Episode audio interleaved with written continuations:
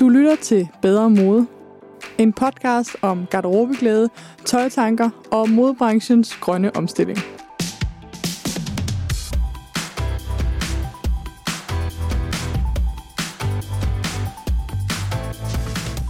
Velkommen til fjerde episode af Bedre Mode. I dag og de næste to afsnit, der har vi glæden af at skulle være i selskab med fantastiske Else Skjold. Og det er fordi, vi skal endelig til at dykke ind i garderoben. Vi skal nemlig sætte gang i det, der hedder garderobeanalyse. Vi skal ind og se på, hvad er det for noget tøj, vi har i skabene, hvorfor, og hvad siger det om os som kvinder. Og øh, det har jeg glædet mig helt vildt meget til, fordi rejsen mod en mere bæredygtig garderobe, den starter faktisk ikke ude i butikkerne. Og den starter faktisk sådan set heller ikke med at forstå, hvad der er galt med modindustrien. Den starter inde i dit eget skab og med det forhold, du har til dit tøj. Derfor er det skønt, at vi skal dykke ned i det. Så øh, i dag der tager vi sådan grundlæggende fat i, hvad kan en garderobeanalyse, hvad betyder den, og hvad ved Else om det her emne, som hun har forsket i i rigtig, rigtig mange år. Samtidig så skal du også øh, være med, når jeg analyserer min egen garderobe, finder frem til mine garderobefavoritter og passive ting i min garderobe. Jeg har simpelthen optaget, mens jeg øh, forsøgte at finde frem til de her ting, og, og bruge nogle af de ting, som Else snakker om. Og når nu vi skal dykke helt ind i garderoben, jamen så giver det også kun mening at bruge os selv og det tøj, vi har på. Og derfor starter vi med, sådan lidt anderledes for podcasten, og snakke om, hvad vi har på, fordi det faktisk er en af de bedste måder at lære hinanden at kende på, men der også siger rigtig, rigtig meget om, hvor vi er i vores liv lige nu. Og det er præcis sådan, Elsa og jeg har startet hver eneste samtale, når vi har mødtes i processen med at lave den her podcast og bog. Så selvfølgelig skulle du være med, når vi stiller hinanden spørgsmålet, hvad har du på, og hvorfor? Hvad har du på, og hvorfor? Ja, som vi snakkede om i øh, den allerførste podcast, så er der jo sket det med mig, at jeg har været i Rusland. Ja. Øh, og jeg bruger jo tit den her historie med, at når man afprøver tøjidentiteter, så kan det sammenlignes med, når man er ude at rejse, at man altså øh, afprøver den her, det græske mig, eller det spanske mig. Mm. Og der er der jo øh, tit, så fortæller folk om det her med, så er der et eller andet land, hvor det bare, det er bare rigtigt. Ja. Og der har jeg lidt på fornemmelsen, at der er sket noget med mig i det her Rusland.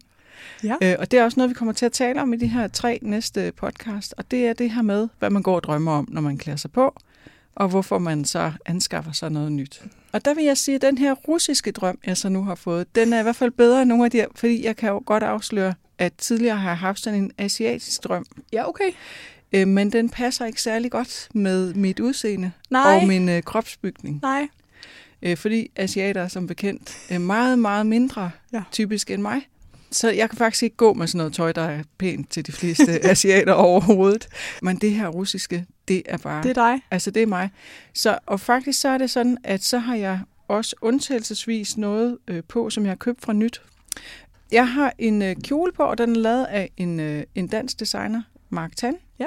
Og jeg kan godt lide hans design, fordi det ligesom er øh, designet sådan lidt til sådan nogle øh, øh kvinder, der godt tør fylde noget. Mm. Og det er jo ligesom også det nye at det her med, at jeg er blevet 50, så nu skal jeg til at fylde noget. Så der tænker jeg, det er godt. Ja.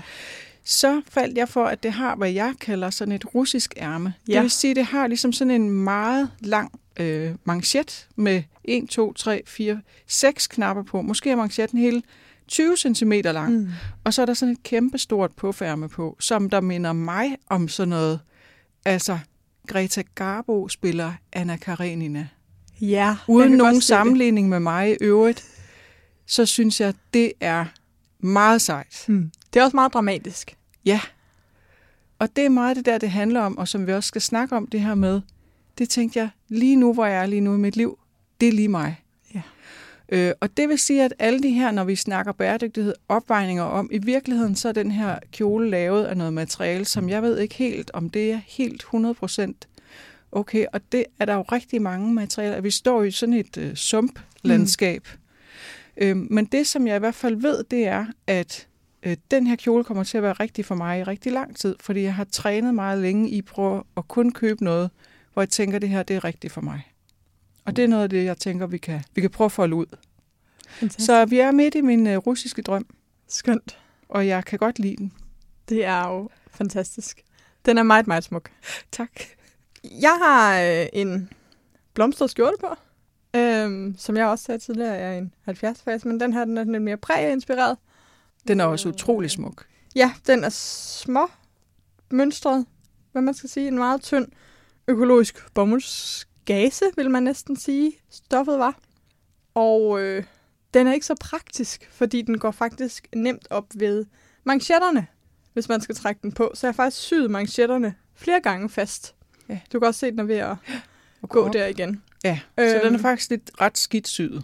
Den er faktisk ret skidt syet, men samtidig så øh, er det også for mig en øvelse i finere stoffer, fordi jeg er meget en denim og tyk uld type. Ja. Og jeg kunne godt tænke mig at blive silke tyskjorte typen. Ja. Men det skal man måske lige overgå til. For det, den ligner sådan meget yndig skjorte, mm. men lavet af sådan noget, der ligesom ligner et meget sådan et, øh, et gardin i sådan 70'er ja. interiør. Jamen hvor der altså, måske står en dame, der altså har sådan noget karmenkølers i ja. håret foran. Så det var tøjet. Ja. Men øhm, det, er jo, øh, ja, det er jo tøj, vi skal snakke om det hele. Dagens emne handler om at se sit tøj i øjnene. Så altså, det er vi jo allerede rigtig, rigtig godt i gang med at snakke om. Og spørge os selv, hvor meget tøj har vi, hvor meget tøj er nødvendigt, hvorfor har vi så meget? Og øh, jeg kunne faktisk godt tænke mig at starte med at vi sådan snakker om, at hvorfor er det, at vi ikke bare har det samme tøj, til det falder sammen? Altså, hvor længe er tøj egentlig i vores garderobe, og hvor længe er det moderne? Kan man sige noget om det? Altså... Det er nogle meget, meget, meget store spørgsmål, du øh, åbner, så jeg vil starte med at ja. sige, at, øh, at det her med, øh, hvor meget der er rigtigt for hvem, det er jo meget forskelligt, ja. øh, fordi vi er forskellige, og det er også noget af det, vi skal, øh, vi skal snakke om. Øhm, så det er lidt svært at sige, hvor meget der er for meget, men det er i hvert fald helt sikkert, at den ligesom modelogik, som vi også har åbnet op i nogle af de forrige podcast, med at man bliver øh, særligt som kvinde opildnet til hele tiden at skulle købe noget nyt, den aftræner faktisk vores evne til at mærke efter, hvad der er, egentlig er rart for os ja. at gå med. Øh, og det genererer øh, rigtig, rigtig mange fejlkøb. Mm. Øh, og særligt her, hvor vi har en tid, hvor vi har øh, rigtig meget online-salg, og det er så øh, nemt og bekvemt mm. for os at, at købe hjemmefra, så vi skal ud i det her forfærdelige prøverum, hvor der ikke er nogen, der rigtig kan give os noget hjælp mere, som også er en stor snak. Jamen, så, så bliver vi hele tiden trænet i det her med, at, øh, at det er selve købet, mm. øh, der gør det, hvor at, at det bliver tit meget kedeligt, når man så får det på, fordi at det er simpelthen ikke øh, konstrueret ordentligt. Fordi det er alle de her ting med, og det er rigtig meget pasform. Men der er også hele tiden pres for netop det nyeste. Altså vi får hele tiden at vide igen fra internettet, det her det er den nye farve, det her det er den nye snit. Der varer hele tiden, hele tiden nye stile. Altså jeg ved næsten ikke, om man kan snakke om generelle tendenser længere, fordi der er mikrotrends over det hele. Og jeg kunne godt tænke mig måske at komme ind til det her med opfattet forældelse. Altså, vi får at vide, at ting er for gamle. Altså, man taler i sådan noget øh, teoretisk om en indbygget død ja. i produkter. Det er Hvem en, bygger den ind? Øh, det er en øh, meget fin øh, fransk øh, filosof, der hedder øh, Baudrillard, der har skrevet om det her indbyggede død. Og det er helt konkret, at man ligesom når man laver et produkt, så bygger man ind, at det bliver forældet, før det egentlig er brugt op. Ja. Og det er jo ganske, ganske særligt relevant, når vi taler om modetøj, for det jo mm. netop går af mode. Øh, selvom at, at der sådan set ved selve tøjet er der ikke noget galt med det. Og så sagde der noget andet, som jeg synes er interessant, og det er det der med, at det, det omvendte af det, er det så, at vi så må vi kun have utrolig lidt tøj, mm. som vi skal øh, slide fuldstændig op? Jamen det kan da godt være, at der, der er nogen, der godt kan lide det, og det skal vi også tale rigtig meget om. Hvad er det så at slide op? Mm. Hvornår er noget brugt op, og hvornår er noget slidt op? Ja. Det er igen kæmpe øh, store emner. Mm. Men det er i hvert fald helt sikkert, at den her modelogik gør, at det er øh, det har ligesom udøvet sin brugsværdi efter cirka måske en måned. Ja. Eller to. Huh, det var ikke længe. Og det fordi de fleste øh, modevirksomheder, øh, for ikke at sige alle, de kører med mindst fire sæsoner nu. Altså ja. der er to hovedkollektioner, og så er der to prækollektioner. Mm. Og det er jo det, som alle slås med, hvordan man kan bryde det. Fordi man så hele tiden som forbruger, eller som butik, eller som modebrand får at vide, at nu skal du sådan set lave en ny kollektion, og nu skal du have noget nyt og nyt og nyt. Og, og det, der ligesom, som du også antyder lidt, det er, at nu er det jo det er ligesom bare blevet et stort flimmer. Sådan en ja. stor øh, nyhedssuppe, hvor at, øh, at så, så sker der jo det, at der er nogen, der begynder at vende næsen den anden vej og mm. sige, mm. det der, det giver ikke mening. Og det synes jeg, man ser mange steder. Jeg synes også både øh, virksomheder og, og mange øh, forbrugere, kan vi jo kalde dem, altså mange mennesker, der køber tøj, mm. begynder ligesom at få nogle andre logikker, fordi det er netop ophørt med at give nogen mening. Mm. På en måde det synes jeg, det er mega stressende, at der den her hele tiden flimmer. Men på den anden side er det også lidt befriende, at moden skifter så hurtigt, fordi det er umenneskeligt at følge med. Og der er altid noget nyt på mode, så man kan lige så godt lade være med at følge med. Lige præcis. På en eller anden måde, hvor at hvis det var vidderligt dikteret, at det her efterår, så øh, gik vi alle sammen i den samme farve, fordi at det var helt sikkert, og det var til at forudsige, så kunne man da føle sig mere forkert. Men i dag i gadebilledet, så der er meget få, hvor man kan sige, sådan, du er fra, du er fra 2019 efteråret. Ja, og det her med den indbyggede død, det er lige altså faktisk i vores tid begynder at, at miste lidt mm. altså hele sin øh, mening, fordi at man i stigende grad bare kan sige, at det her, det vælger jeg. Ja. Og man kan være sikker som ham med kirken på, at det kommer alligevel igen. Altså med kortere og kortere mellemrum. Og hvor hurtigt kommer det igen? Åh oh ja, det er svært at sige, men altså, altså man taler megatrends, der, jeg tror det var Paul Borum, der sagde en, en megatrend, eller sådan en tidsære varer cirka 7 til 10 år. Ikke? Mm. Og det var dengang, vi havde. Så kom hippietiden, så kom punk, og så kom dit og dat. Og der er vi jo ude i noget i dag, hvor, hvor man langt mere taler om sådan nogle parallel stammer, mm. smagsfællesskaber, som også er globale. Så det vil sige, at at det i virkeligheden også lidt ophørt ja. med at give mening, den der sådan, øh, ligesom sådan noget stilhistorisk øh, udvikling, med at så kommer det, og så reagerer man mod det, og det er nogle, det er nogle andre mekanismer, Fedt øh, vi ser i dag, synes jeg. Så ligesom at vi i første episode slog op med ordet tidsløst, så øh, slår vi også op med sådan trendsepoker og ja, megatrends. Det, ja, det synes jeg. Altså selvfølgelig er der nogle bevægelser i verden, men, mm. men man kan sige, at den megatrend, der er, det er jo i virkeligheden, at det hele det er i flux. Altså ja. det hele det er i gang med at blive lavet om. Vi er i gang med at sige helt farvel mm. til den slags fortælling om, at der kommer den nye trend. Fordi den nye trend er, at der måske, altså det er et helt andet sted, det er interessant. Mm. Men det kræver virkelig også noget af den enkelte kvinde i sin garderobe at stå fast i. Der er ikke nogen, der dikterer. Nemlig. Og dem, der dikterer, de vil diktere noget nyt næste uge, så det giver ikke mening at lytte Nej. til dem. Så man skal bare lytte til sig selv. Ja, og det er, Mega tror svært. jeg, meget, meget øh, altså sådan, øh, skræmmende og overskueligt for rigtig mange mennesker. Ja. Øh, der er jo nogen, der... Øh, altså øh, som mig har trænet evnen i årtier til at gå hen i en hvilken som helst, altså øh, sådan en kasse på et loppemarked, så kan jeg finde noget, der er herligt for en tier, og der er andre, der vil, det vil de simpelthen ikke kunne overskue. Ja. De skal gerne have noget hjælp, og de skal have vejledning øhm, til, hvad er det, der er mm. godt for mig. Ja. Og det skal vi ligesom mærke ind i. I næste episode skal vi snakke garderobefavoritter, og der har vi nogle refleksionsspørgsmål, og i episoden efter skal vi snakke fejlkøb, hvordan undgår man dem. Men lad os prøve at tage et kig ind i din danske kvindes garderobe. Kan vi sige noget om, hvor meget tøj, der hænger generelt? Altså nu, man skal altid passe på med tal, ja. som, øh, som den kloge Churchill sagde. Jeg nævner kun tal, jeg selv har manipuleret med.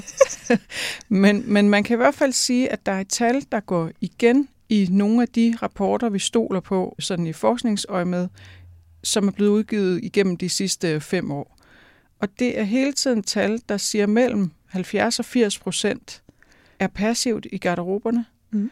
Og det er de samme 70-80 procent, som der ender på øh, uhensigtsmæssige steder, som ingen vil have, mm. altså på lossepladser eller bliver brændt. Mm. Og det er bare øh, efter, at det er blevet solgt. Så er der jo også spild af tekstiler i øvrigt før. Helt altså, mens det ligesom lavet. madspild er det i alle led. Øh, og samtidig med, så har vi det, der hedder bæredygtighedsfaktor nummer 4, øh, som handler om, at man skal øh, reducere nyproduktion med cirka 75 procent. Det er meget, meget voldsomt. Okay. Øh, jo. Det altså, må vi lige vende tilbage til de det der vi vende tilbage. faktorer. Ja, men det, men det i hvert fald handler om, at det er hele tiden det her cirka tre fjerdedele skulle måske aldrig have været lavet, og skulle måske aldrig have været købt. Nej. Og der tænker jeg, at det her kapitel, vi er i gang med nu, den mm. podcast, vi er i gang med nu, der kunne jeg godt tænke mig at introducere sådan nogle små øvelser, man i hvert fald ja. kan gøre. Og de er rigtig meget lavet på baggrund af det her med, at der kommer utrolig mange øh, mennesker, hvis jeg er ude og snakke et sted, mm. og også mine kolleger, jamen hvor finder jeg noget bæredygtigt tøj ja. henne? Øh, og det vil vi også få i den her podcast serie mange bud på, hvor skal man kigge, og certificering og materialer måske. Og, mm. Men det, der faktisk også er, det er, at det er også vigtigt at vende ind mod sig selv og sige, jamen, er du en bæredygtig forbruger? Ja. Øh, og det handler jo faktisk om lidt garderobeterapi. Ja. Øh, det handler om faktisk at lære sig selv at kende gennem sit tøj, og det er vi ikke trænet i. Nej. Vi er trænet i at hige hele tiden efter det her, der bliver på mode, og aftrænet i faktisk at mærke efter, mm. hvad er der øh, fedt for mig. Det kan jeg så meget godkende, genkende. Kan du tage mig i garderobeterapi? Ja, det ville da være spændende, men så skal jeg hjem til dit klædeskab. okay. ja. kan, vi, øh, kan du så give mig nogle øh, redskaber til, hvordan ja. vi kan tage det? Det kan jeg godt. Fedt. Og også til, øh, til den Lytterne. interesserede lytter. og det handler jo faktisk om helt konkret at se sit tøj i øjnene, mm. hvilket vil sige, at det hele skal altså ud ja. af skabet, og hvor man ellers gemmer det henne. Og det er selvfølgelig, det kan for nogen kvinder være utrolig overskuelige, fordi de har jo fået samlet sig, nogle i hvert fald kvinder, rigtig, rigtig meget tøj. Ja. Og det, man kan gøre, det er, at man kan ligesom tage en kategori af gangen. Og det med, hvad en kategori er, det må man... Man kan jo selv bestemme, hvor man vil starte. Men det, man kan starte med kjoler, eller man kan starte ja. med skjorter, eller top, eller hvad man mm. vil. Og så tager man alle de ting ud. Og er det inklusiv det, der ligger nede i kælderen? Ja, det vil være en god idé. Ja eller ude i skuret, ja. eller ude i carporten, eller op på loftet, eller under sengen. Ja. Eller de, alle de mærkelige steder, jeg har set øh, kvinder gå og tokke. Ja.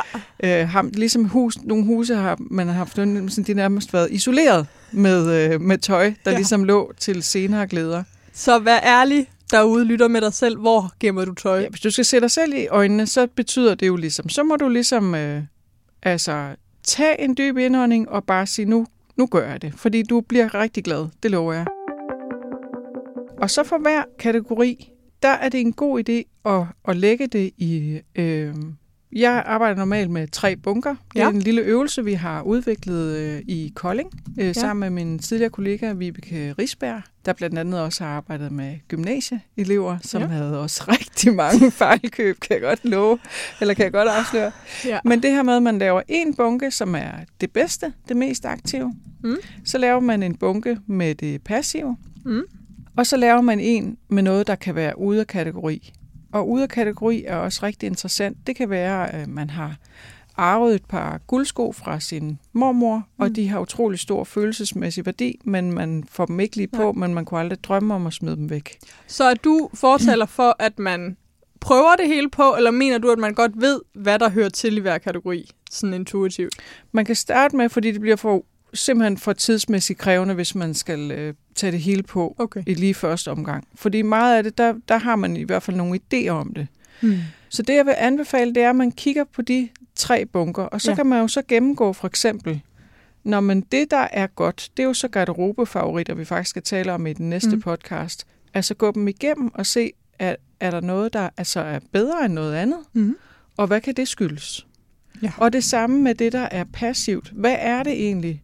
der gør, at det her, det, øh, det har jeg, men jeg får det faktisk ikke på, og måske har jeg aldrig haft det på. Ja. Måske har det stadigvæk simpelthen prisskiltet i, i nakken, mm. fordi det har været øh, på prøve et par gange, jeg har prøvet det på, men der er et eller andet, der gør, det kommer ikke på.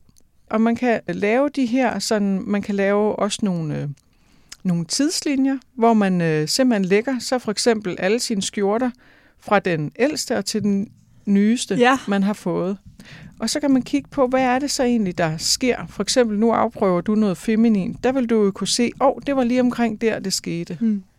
Øh, så det er simpelthen noget med at lære sig selv at kende. Og der kan man egentlig, altså bare med det blotte øje, se rigtig mange, både de, øh, de gode ting, man gør, hvor det her, det virker bare. Mm. Og det kan være ned i materialer, det kan være i den måde, det føles, altså stoffet føles på, det kan være den måde, det, øh, det gør noget, når man mm. bevæger sig. Det kan være, øhm, at det passer rigtig godt til ens øh, livssituation, eller at øh, man føler, at omverdenen, altså man får komplimenter, eller man synes, det her det er mm. bare øh, rigtig godt, hvis jeg skal performe ekstra på mit arbejde, eller jeg skal til et vigtigt møde, eller til en fin fest, eller hvad det nu er. Mm. Og så kan man begynde at lave de her små, hvor man faktisk begynder at lære sig selv at kende.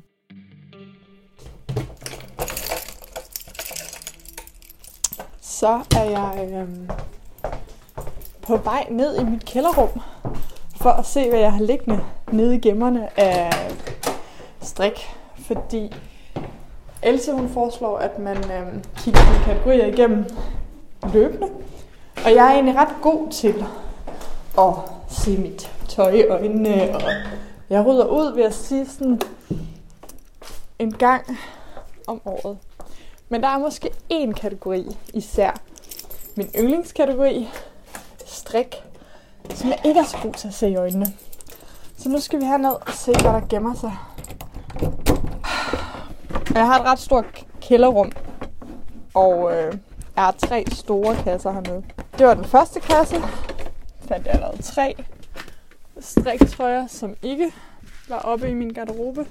Så indtil videre har jeg fundet fem bare hernede i kælderen.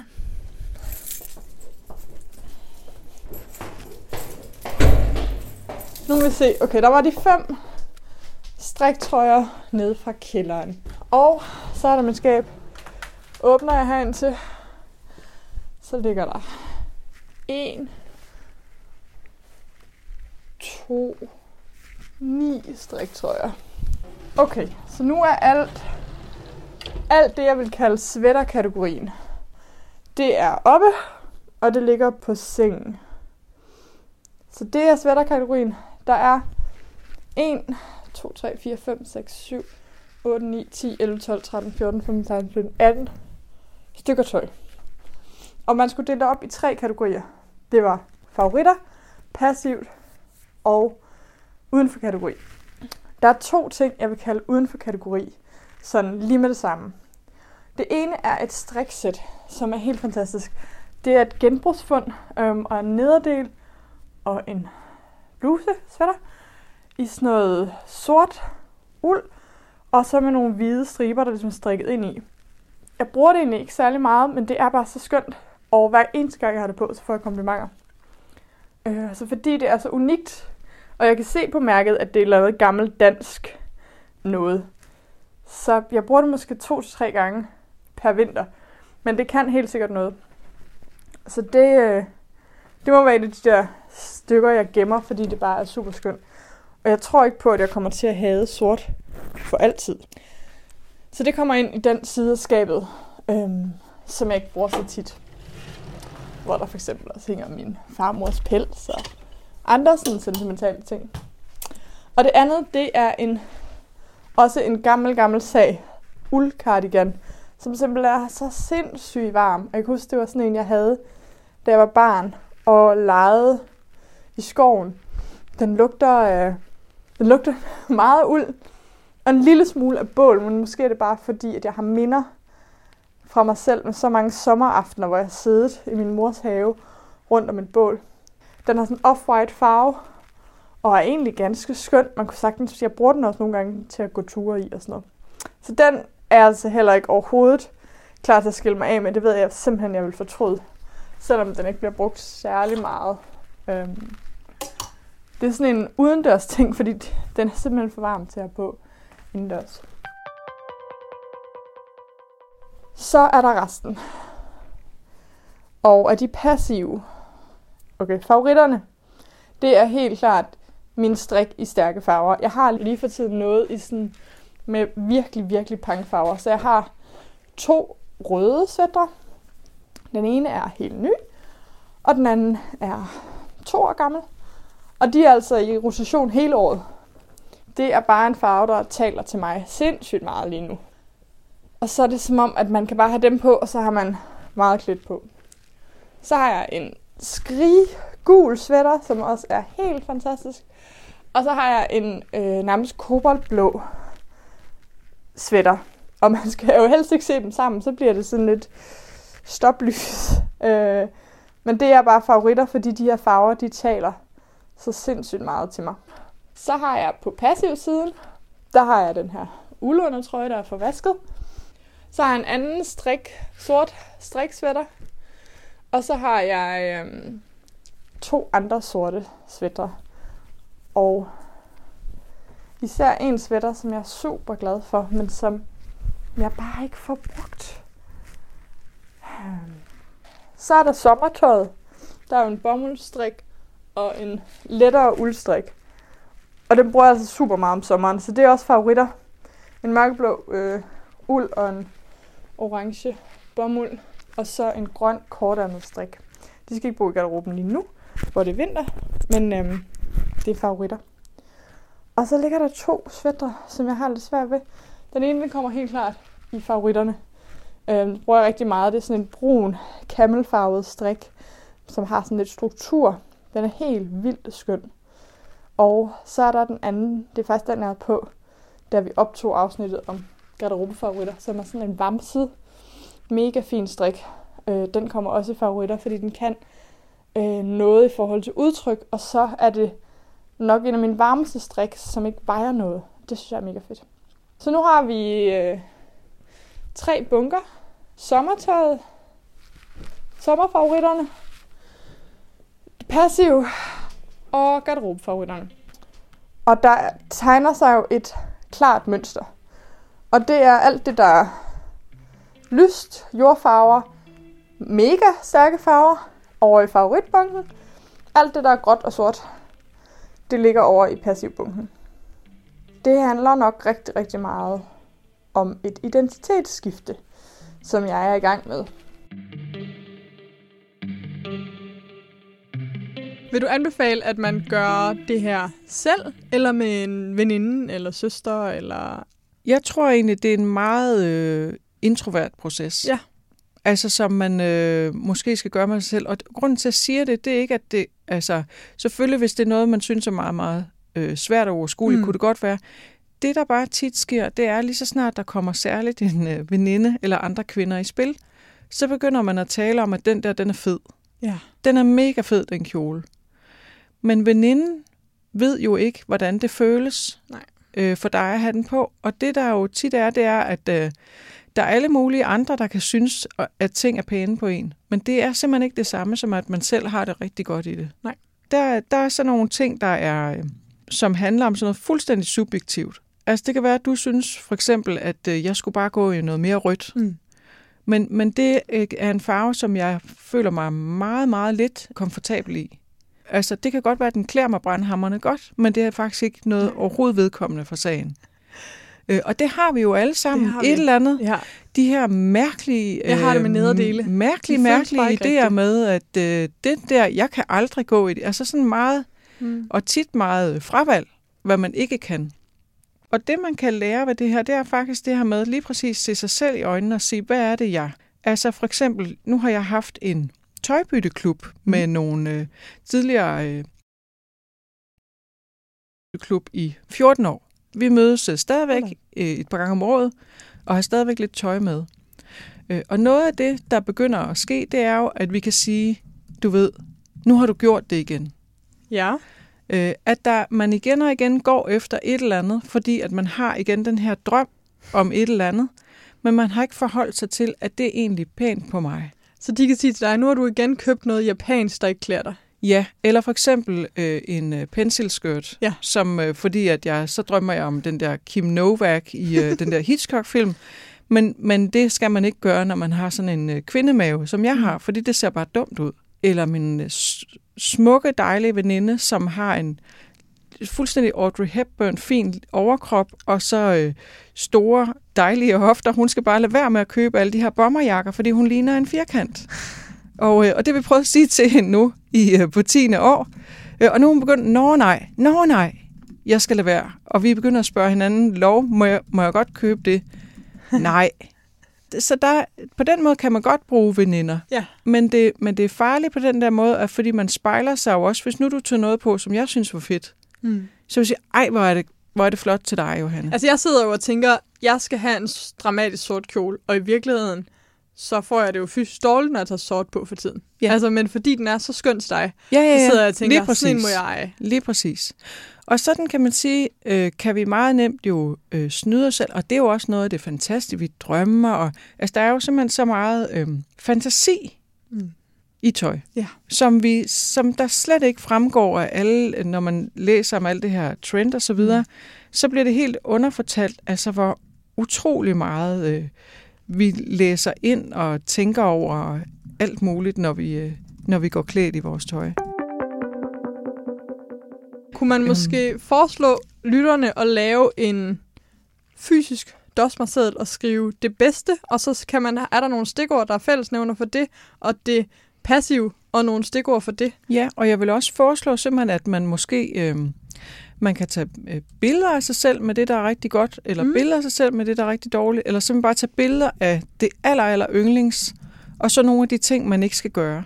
Ja. Og faktisk have det måske, nu har vi jo alle sammen en mobiltelefon, så have det på de billeder som en advarsel, eller lige før ja. man skulle have sådan en lyd på. Nu gør du det igen. Nej, jeg skal ikke have flere af de der, fordi jeg går ikke med dem. Nej.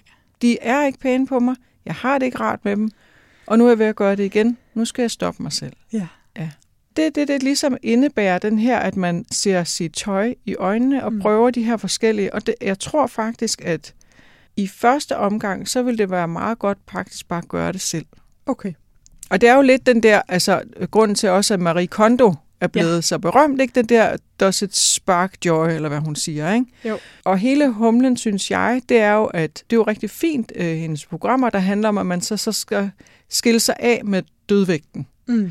Men det, jeg synes, der er hele formålet, det er jo, at man skal lære, når man så skal anskaffe sig noget nyt, skal ja. man jo lære af det. Helt 100. Sådan, så man lærer, at det næste gang, man gør sig et køb, så bliver det et dejligt køb, der giver en enormt meget tøjglæde. Ja. I stedet for alle de her køb, som faktisk giver en meget øh, altså tøjsorg. Ja, jeg bruger tit billedet om, at det tynger os mentalt. Men det øh, gør det da. og kigge på det. Det gør det da. Mm. Og det giver jo også et dårligt selvværd at have noget på, der gør, der gør at man ikke føler sig øh, som den bedste mig. Ja. Altså, hvis alle kvinder gik i noget, hvor de bare tænkte, wow, Yeah. Hold kæft, mand, så havde vi haft ligestilling for længe siden på en eller anden måde. Eller vi havde overtaget verden, hvis vi bare var gået ud alle sammen og tænkt, jeg føler mig lækker i dag. Ja. Yeah. Den kraft skal vi have ud i samfundet. Ja. Yeah. Så når vi også øh, kalder den her bog Klæd dig bedre, yeah. så handler det lige præcis ikke om sådan en smagsdom med, at der er noget, der er bedre end det er overhovedet ikke det. Altså, nogen går i bøllehatte, nogen går i øh, praktisk naturflis. Altså, det er fuldstændig lige meget. Det, det handler om, det er ligesom få den bedste tøjglæde, man kan få, fordi det faktisk øh, gør, at man, mm. man er mere i øh, balance med sig selv. Helt sikkert. Faktisk vil jeg gerne vende tilbage til lidt øh, metoden, fordi ja. når man nu har øh, lagt det i tre bunker, Yeah. Og man har gennemgået hver bunke, analyseret, måske skrevet yeah. en liste. Yeah. Man har måske endda, øh, hvis man er meget nørdet, lavet sådan en tidslinje, hvor man lagde sine skjorter op fra ældst til yngst. Mm. Hvad gør man så? Nu, man har tre bunker. Ja, jeg vil sige, at man kan, man kan lave mange øh, kategorier. Man kan lave øh, kategorier baseret på materialer, eller farver, eller hvad der ligesom ja. giver mening for en selv. Hvis man virkelig vil analysere i dybden, ikke? Ja. ja. Og gå efter, øh, hvor det ligesom føles, at det her, det er sjovt for mig. Mm. Der er et eller andet her, der er sjovt. Det kan være, at der er nogen, de vil med kerneled, og nogen, de vil med, vil med noget, der skinner, eller noget, der føles blødt, eller noget, der ser sådan ud, sådan ud, sådan ud, sådan ud. Hvad der gør dig glad. Ja. Prøv at, at simpelthen gå på opdagelse.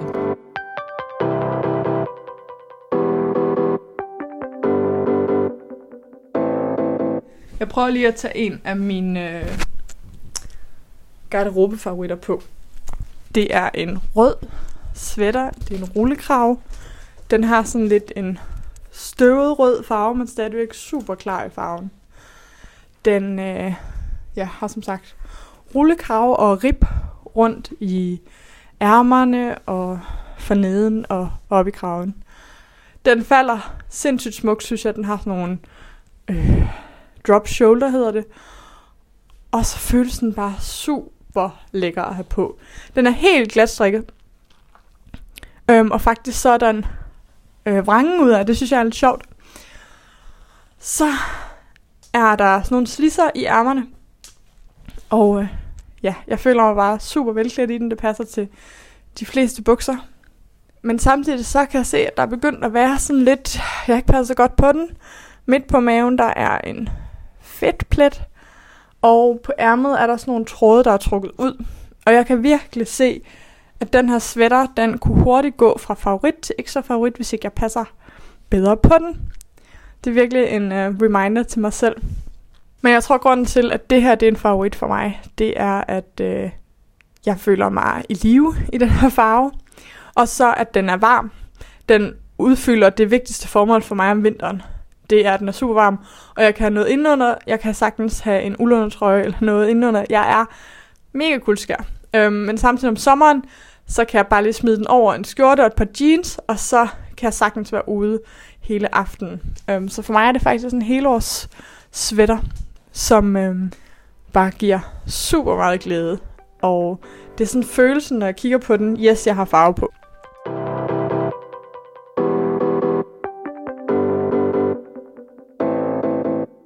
Og så er det selvfølgelig, øh, øh, apropos Marie Kondo, så vil det jo være fint at se at få ryddet ud i første ja. omgang og sige, øh, der er simpelthen noget, jeg skal skille mig af med. Og er det alt det passive? Altså, der kan jo være øh, noget af det, man taler med passivt tøj, det er jo sådan noget som for eksempel vægt. Ja. Og noget af det, vi jo rigtig tit gør, det er, at vi køber tøj, der er for småt, til når vi taber os 5 kilo. Lad være. Fordi hvis det ikke sidder pænt på dig, når du ikke har tabt de 5 kilo, så sidder det heller ikke pænt på dig, når du har tabt de 5 kilo. Så lad være. Du skal kun købe noget, hvor du tænker, det her, det gør mig så pæn. Mm. Hold da op. Kan jeg virkelig ja. være så dejlig ligesom mig? Men vi vender ja. hele tiden tilbage til købstidspunktet. Vi er ja. nødt til at forholde os til det tøj. Ja. Lytterne og jeg har, har et skab, ja. som er i den her passive bunke. Ja. Og jeg tror, det er, altså det, når man siger terapi, så tror jeg også, altså det handler også om at skille sig af med de der øh, ja. øh, ting, man ikke simpelthen har brug for. Og hvordan skiller man sig mm. af med noget, som måske har været dyrt, eller måske man skal også give slip på en idé om, hvilken kvinde man kunne have været i det tøj. Ja, yeah. altså øh, man kalder jo, garderobeskabet er ligesom sådan et øh, museum over en selv, eller et arkiv over en selv. Og der er klart, at der var nogle veje, man gik, som man måske i bagklogskabens øh, meget, meget øh, skarpe lys kan se, jeg skulle måske ikke gå den vej. Det er måske ikke det, der er godt for mig. Så skulle man jo gerne nå frem til, okay, der skal jeg ikke gå hen igen. Så det er noget af det, jeg tænker, at det her kan bruges som et værktøj til, øh, fordi det må jo aldrig være sådan, at man så ikke har nogen drømme, men der er jo nogle drømme, man så bare må efterlade og sige, de var ikke for mig. Nej. Går du ind for, at man laver en mellemstation, at man måske pakker det væk i en periode for at se det i øjnene igen senere, hvis man ikke er klar til at, Helt at sikkert. sig af med det? Helt sikkert. Og det er også noget, som vi kommer til at tale om i en senere mm. podcast her om, øh, om de her fejlkøb og det her med, jamen, øh, når man går i tøj, det er jo identitetsarbejde. Og det vil sige, at man er jo ikke den samme hele ens liv. Nej. Og det er også derfor, at ens tøj det bevæger sig. Der kommer noget ind, der kommer noget ud, og det er mm. alt sammen sådan noget, hvad der ligesom er, hvad for en historie man har med sig, hvad er det for en virkelighed, man lever i lige nu, og hvad drømmer man om fremadrettet. Og det er jo hele tiden i bevægelse. Mm. Og det vil også sige, at når vi anskaffer os noget nyt, så er der rigtig mange, der har det på prøve. Der er rigtig mange, der ikke tager det på med det samme, men ja. de går og prøver det med forskellige øh, kombinationer derhjemme foran spejlet og ser, hvad virker det med. Og det kan jo så også gøre, at man ikke når at få sendt det retur, så det ender i skabet, uden at det var rigtigt, fordi der var noget ved det, der var rigtigt, men det kom faktisk aldrig rigtigt på. Og det samme gør vi, når, så når det er på vej ud, så er der ja. de her stationer, hvor det er på prøve til at ryge ud. Og der er nogen, der laver regler for sig selv. Hvis det ligger nederst i bunken, og det ligger i skabet et år, uden jeg har brugt ja. det, så skal jeg smide det ud. Og der vil jeg sige, de der meget sådan dogmatiske regler, der tror jeg mere, man skal Altså, nå, men det kan jo være nogen, der har behov for sådan nogle regler. Kan men... du sige nogen om, hvad der er af andre dogmeregler, hvis man er, typen, der virkelig har brug for den slags? Der er jo også den med her, og, øh, eller metoden, hvor man vender bøjlerne, når man så i tre måneder, så har det, man har brugt, der vender man bøjlen modsat, ja, det er smart. Det er når man hænger det ind. Og ja. så i slutningen af tre måneder, så, ja, så kan man tjekke, så kan man tjekke ja. hvad der er. Hvis man nu ikke er så god til at være ærlig med sig selv om, hvad der er passivt og hvad der ikke er passivt. Ja. Øhm, jeg har selv den her med, at hvis jeg føler, at hvis min vasketøjskurve er fuldstændig fyldt, og vi er altså kun to mennesker øh, med store vasketøjskurve, så det er ikke så altid. Det, der hænger tilbage i skabet, hvorfor er det, det hænger tilbage? Hvorfor er det ikke kommet yeah. i vasketøjskurven? Yeah. Og Hvad det er jo det også noget af det, som, som jeg har talt med med øh, rigtig mange os studerende om, når vi snakker om det her, eller i ja. det hele taget, når jeg fortæller om mine undersøgelser, og der er så de her mennesker, der siger, at jeg går slet ikke op i, hvad jeg er på. Hmm. Øh, det er fuldstændig lige meget for mig. Jeg, jeg tager bare, hvad der er øverst i bunken. Ja. Så siger jeg, nå okay, hvordan kan det så være lige præcis øh, sådan nogle navyblå øh, pullover med V-hals, så åbenbart altid synes at ligge øverst i bunken hos dig? For det må der jo være en årsag ja. til. Og hvad er det så, der er nedenunder, mm. som du ikke tager? For det er jo immer væk i bunken, ja. siden du ikke tager det nederste i bunken. Og det, det er sådan nogle små... Altså det er den ja. der forestilling om, at jeg går ikke op i mit tøj. Det er jo også en drøm. Og men det er vel også løgn? Ja, fuldstændig. Ja. Der er der fuldstændig alle mulige årsager til, at der lige præcis er noget, der ligger øverst og noget, der mm. ligger nederst. Og det behøver jo ikke nødvendigvis være visuelle årsager. Det kan jo også mange gange være hvordan det føles, og om det strammer, og om man kan ja. bevæge sig i det. Øh. Og der kan også være nogle øh, hensyn i ens hverdag. Altså jeg havde for eksempel, så lavede jeg en... Øh, altså alle mine undersøgelser er jo sådan nogle små øh, ja. pilot, ligesom blitz på et eller andet område, som jeg så tager ind i noget andet. Så jeg lavede en lille øh, undersøgelse tilbage i 2011 med en tekstildesigner, der hedder Helle Gråbæk, en lille øh, skoundersøgelse. Mm. Og der var en øh, kvinde, som arbejder som øh, jordmorkonsulent. Og hun var ikke særlig god til at gå i høje hæle, men hun kunne godt lide det. Og sagen er, når man er sådan et sted, hvor det er øh, meget øh, følsomt, øh, det er mennesker, som, øh, ja, de ligger jo simpelthen og føder, øh, der er man ikke særlig øh, altså, omstillingsparat, eller lunden er måske også lidt kort. Så der sagde hun for eksempel, at hun ville aldrig kunne have nogle hæle, der sagde en lyd. Ah. Så hun ville kun øh, kunne bruge øh, rokomisåler på sit arbejde, fordi hun blev nødt til at have nogle stille sko øh, hvor der var en anden, en øh, mand, der var konsulent og arbejder med meget, meget øh, store, prestigefulde virksomheder, som sagde, at hvis jeg skal mødes med dem, så har de alle sammen en hård hæl på. Så det bliver jeg nødt til også at have, for ligesom at matche dem. Mens at hvis jeg er ude som konsulent i kommuner, så har de blød hæl på, og så må jeg matche dem. Så der er så meget omkring også, øh, som man kan jo også begynde at og prøve at mærke lidt efter nogle af alle de her sanser, der faktisk mm. er på spil, fordi når vi snakker om tøj, taler vi så meget om det visuelle. Mm. Men det sidder jo im og væk på vores krop. Så der er rigtig meget med lyd, der er rigtig meget med det her komfort, som jo også er sådan et meget mærkeligt mm. ord, fordi nogen kan lide, at ting strammer øh, forskellige steder, nogen ja. kan slet ikke have det, nogen kan godt lide den slags materiale, den slags materialer. Og der er det, man skal prøve at fokusere på, hvad er det egentlig, jeg så godt kan lide ved den der mm. trøje, i forhold til den der, der er helt forkert. Og, og det er da også helt klart, at man har nogle øh, behov i forhold til, hvor man er i sit liv, og hvor man bor, og ja, altså en, en del de normer, af det her. der er. Altså, man har jo ikke lyst til at, øh, at have et eller andet fuldstændig tosse på, så folk de tror, at nu har man mistet forstanden, vel? Nej, så en del af det her er også at se sin livsstil i øjnene. Hvad er det for et liv, jeg lever? Og det er faktisk en øvelse, jeg har haft stor glæde af det er at simpelthen sige, okay, hvordan kommer jeg til og fra arbejde? Hvad er de dresscodes der, hvor jeg bevæger mig hen, eller ja. gerne vil bevæge mig hen. Ja. Og så kan man beslutte sig for, om man har brug for at blende ind, eller om man måske har lyst til at dresse op, hvis mm. man skal have lidt ekstra øh, magt i strukturer. Hvor gør min krop lidt ekstra ondt? Regner det meget? Skal jeg til store fester? Ja. Går jeg faktisk til store fester? Er det sådan en ting, at min omgangskreds en, mm. der Tager jeg i byen? Tager jeg ikke i byen? Øh, cykler jeg? Cykler jeg ikke? Og øh. alt det, du taler om, det er jo det der med, at når vi, når vi tager tøj på, så vil vi jo gerne både være tro mod den, vi ligesom føler, vi er indeni, ja. men vi vil også gerne øh, genkendes. Så vi vil gerne øh, være ligesom øh, tale fællessprog, men på vores egen mm. måde. Mm. Så jeg plejer at sige, når der er sådan en der kan måske være, nu nævner jeg helt tilfældigt, nogle mandlige intellektuelle, der mener, at de overhovedet går op i deres tøj, så siger man, du står jo ikke og holder en øh, akademisk forelæsning, hvis det for eksempel er hedebølge, mm. i et lag, du har skåret et hul i, selvom at det kunne være utrolig rart. Fordi at så vil du træde så meget ud, og sige, nej, selvfølgelig gør jeg ikke det. Nej, men så går du jo også op mm. i, hvad folk tænker om dig, og hvad du godt kan lide at have på. Selvfølgelig, det gør vi jo alle sammen.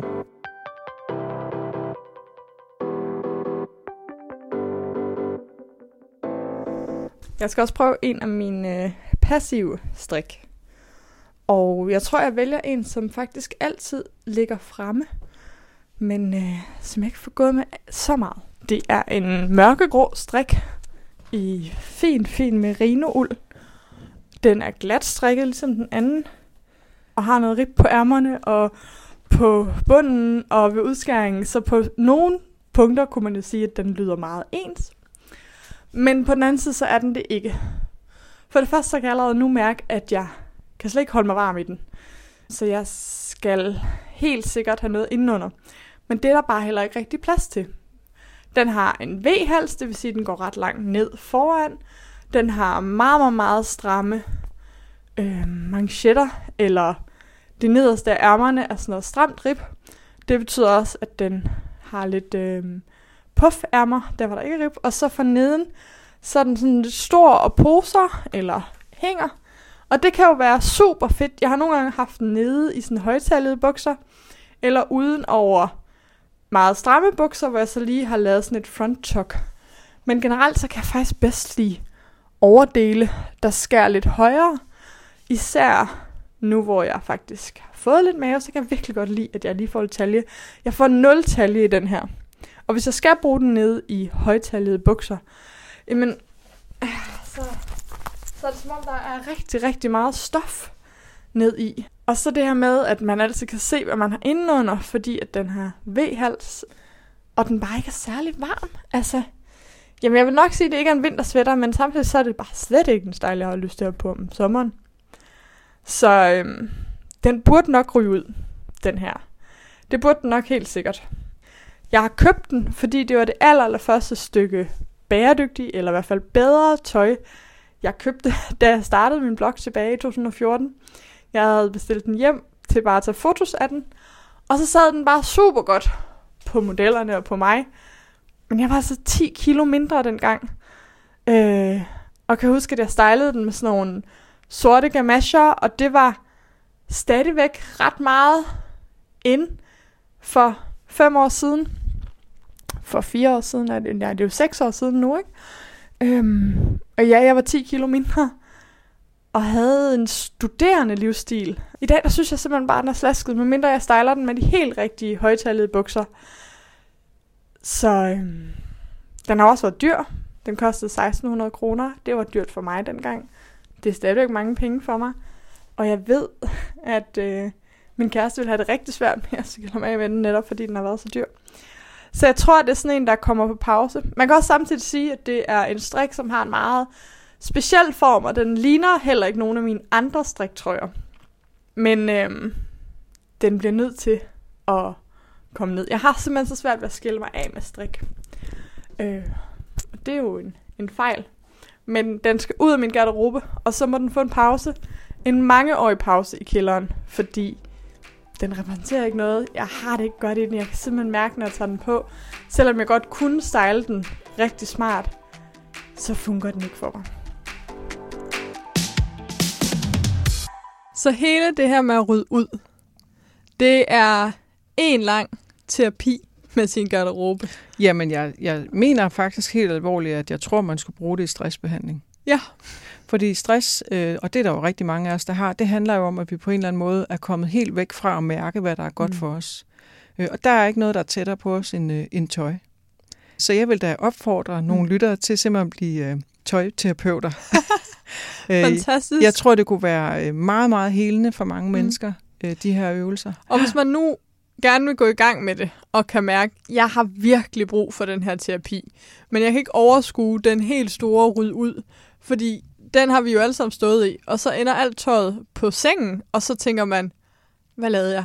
Hvad skete der lige ja, hvad der? skete der for mig? Altså, og man kan ikke se sin seng. Og, altså, jeg har været ved at ville sove på sofaen, fordi det var mere overskueligt. Mm.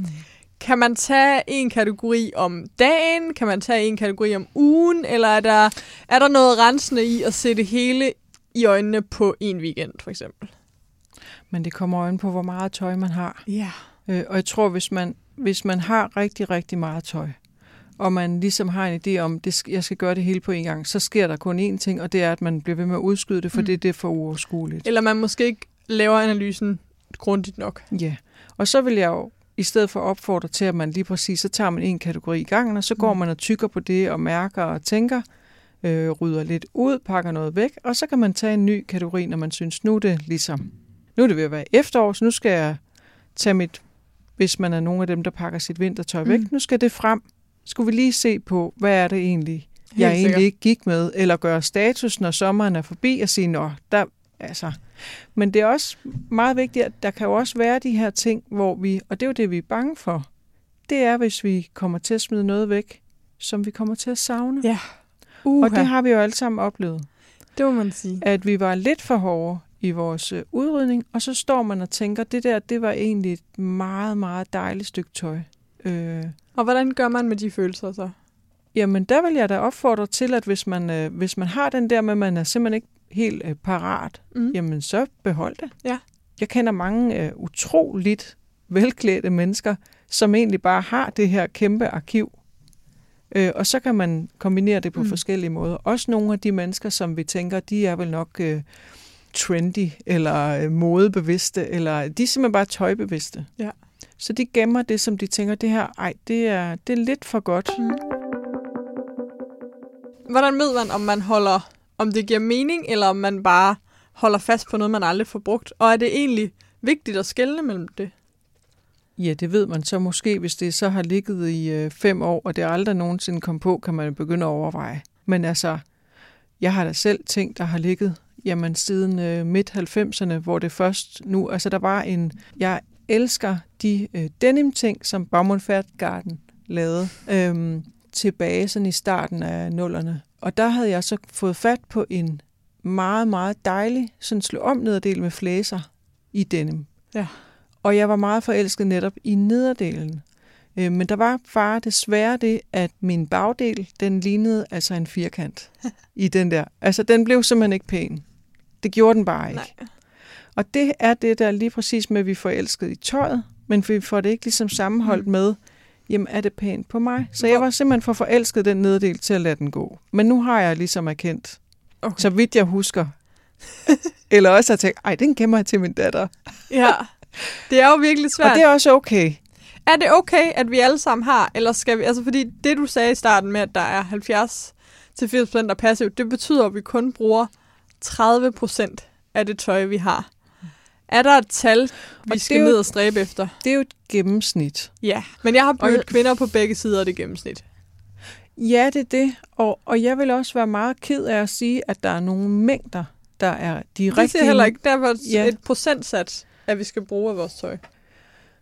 Det vil jeg faktisk være ked af, fordi der kan være nogen, hvor de ligesom mm. føler, at jeg har jeg har de bedste skatte i hele mm. verden, og de, på et eller andet tidspunkt kommer de på. Så jeg tror, øh, det handler meget om det her med, hvis det er noget, der direkte, at det misklæder en, ja. for eksempel.